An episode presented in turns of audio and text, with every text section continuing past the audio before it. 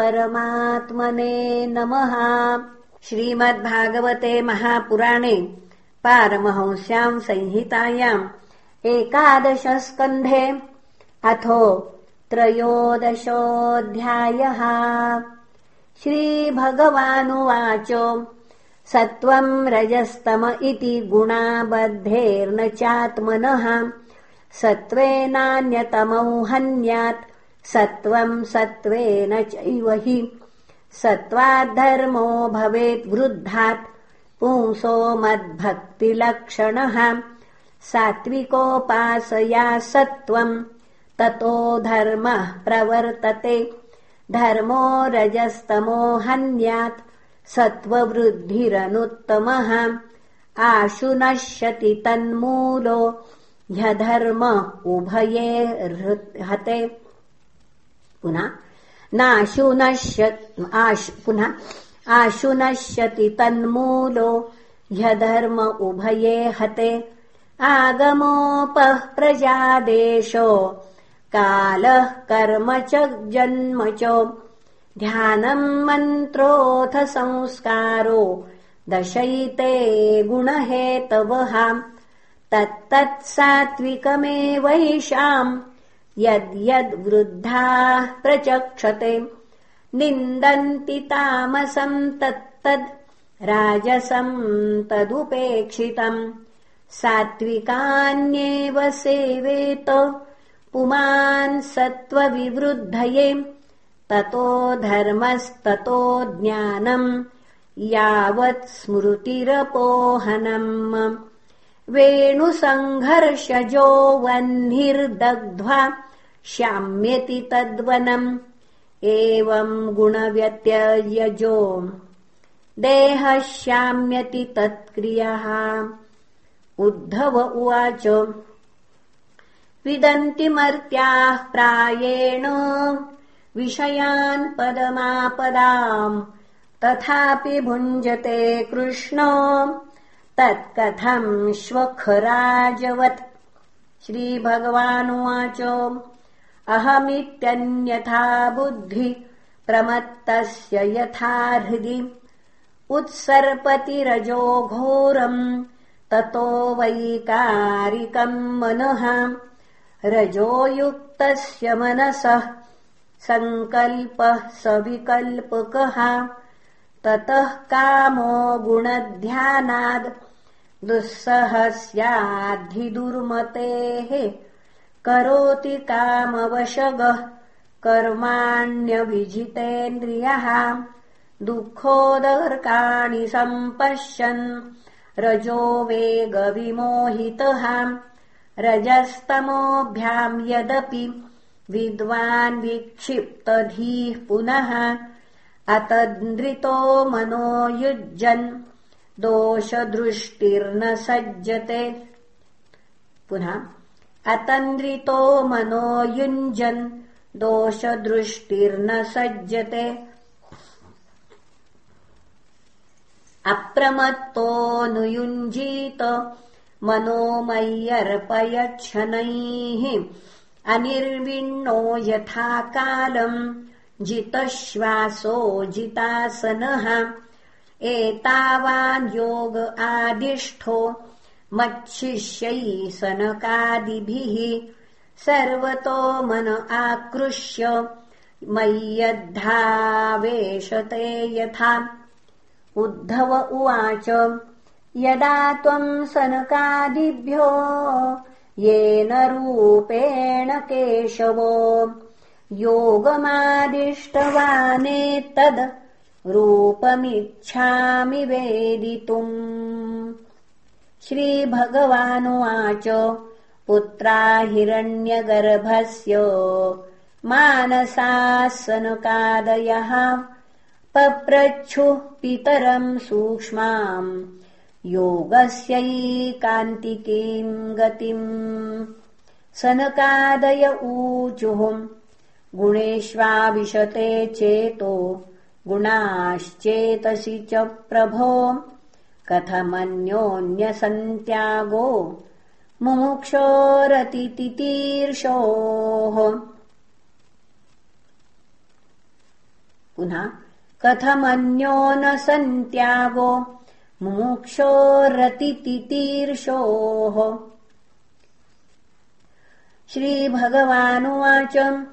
एवम् पृष्ठो महादेव स्वयम्भूर्भूतभावनः ध्यायमानः प्रश्नबीजम् नाभ्यपद्यत कर्मधीः स मामचिन्तयद्देव प्रश्नपारतितीर्षयाम् तस्याहम् हंसरूपेण सकाशमवगमम् तदा। दृष्ट्वा माम् उपव्रज्य कृत्वा पादाभिवन्दनम् ब्रह्माणमग्रतः कृत्वा पप्रच्छुः को भवानिति। इत्यहम् मुनिभिः पृष्टस्तत्त्वजिज्ञासुभिस्तदा यदवोचमहम् तेभ्यस्तद्दुद्धवनिबोध मे वस्तुनो यद्यनानात्वमात्मानः। प्रश्न ईदृशः कथम् घटेतवो विप्राम्? वक्तुर्वामेक आश्रयः। पञ्चात्मकेषु भूतेषु समानेषु च वस्तुतः। को भवानिति वः प्रश्नो? वाचारम्भो ह्यनर्थकः।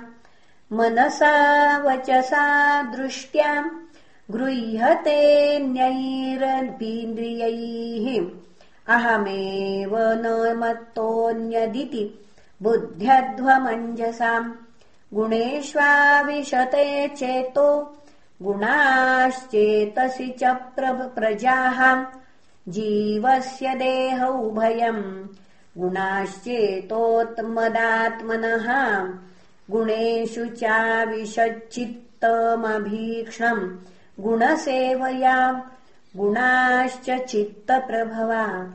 मद्रूप उभयम् त्यजेत्। जाग्रतस्वप्नसुषुप्तम् च गुणतो बुद्धिवृत्तयः।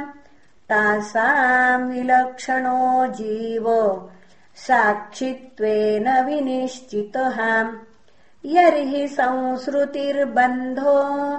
यमात्मनो गुणवृत्तिदः मयि तुर्ये स्थितो जह्यात्। त्यागस्तद्गुणचेतसाम्। अहङ्कारकृतम् बन्धो। मात्मनोऽर्थविपर्ययम्। विद्वान्निर्विद्य संसारचिन्ताम्। तुर्ये स्थितस्तजेतो। यावन्नानार्थधीः पुंसो। न निवर्तेत युक्तिभिः जागर्त्यपि स्वपन्नज्ञः स्वप्ने जागरणम् यथाम् असत्त्वादात्मनोऽन्येषाम् भावानाम् तत्कृताभिदाम् गतयो हेतवश्चास्य मृषा स्वप्नदृशो यथाम् यो जागरे बहुरन पुनः यो जागरे बहिरनुक्षणधर्मिणोऽर्थान् भुङ्क्ते समस्तकरणैर्हृदि तत्सदृक्षान्। स्वप्ने सुषुप्त उपसंहरते स एकः। स्मृत्यन्वयात्रिगुणवृत्ति दृगिन्द्रियेशः पुनः स्मृत्यन्वयात्रिगुणवृत्तिदृगिन्द्रियेशः एवम् विमृश्य गुणतो मनसस्त्र्यवस्था मन्मायया मयि कृता इति निश्चितार्थाः। संच्छिद्य हार्दमनुमानसदुक्तितीक्ष्णो ज्ञानासिना भजतमाखिलसंशयाधिम् ईक्षेतविभ्रममिदम् मनसो विलासम् दृष्टम् विनष्टमतिलोलमलातचक्रम् विज्ञानमेकमुरुधेव विभाति माया स्वप्नस्त्रिधा गुणविसर्गकृतो विकल्पः। दृष्टिम् ततः प्रतिनिवर्त्य निवृत्ततुष्ण तूष्णीम् भवेन्निजसुखानुभवो निरीहः। पुनः एकदा। तूष्णीम् भवेन्निजसुखानुभवो निरीहः। सन्दृश्यते क्वच यदीदमवस्तु बुद्ध्या। त्यक्तम् भ्रमाय न भवेत् स्मृतिरानिपातात् देहम् च नश्वरमवस्थितमुत्थितम् वा सिद्धो न पश्यति यतोऽध्यगमत्स्वरूपम्। दैवादपेतमुत दैवमुपशादुपेतम्। वासो यथा परिकृतम् मदिरामदान्धः। देहोऽपि दैववशगः खलु कर्म यावत्।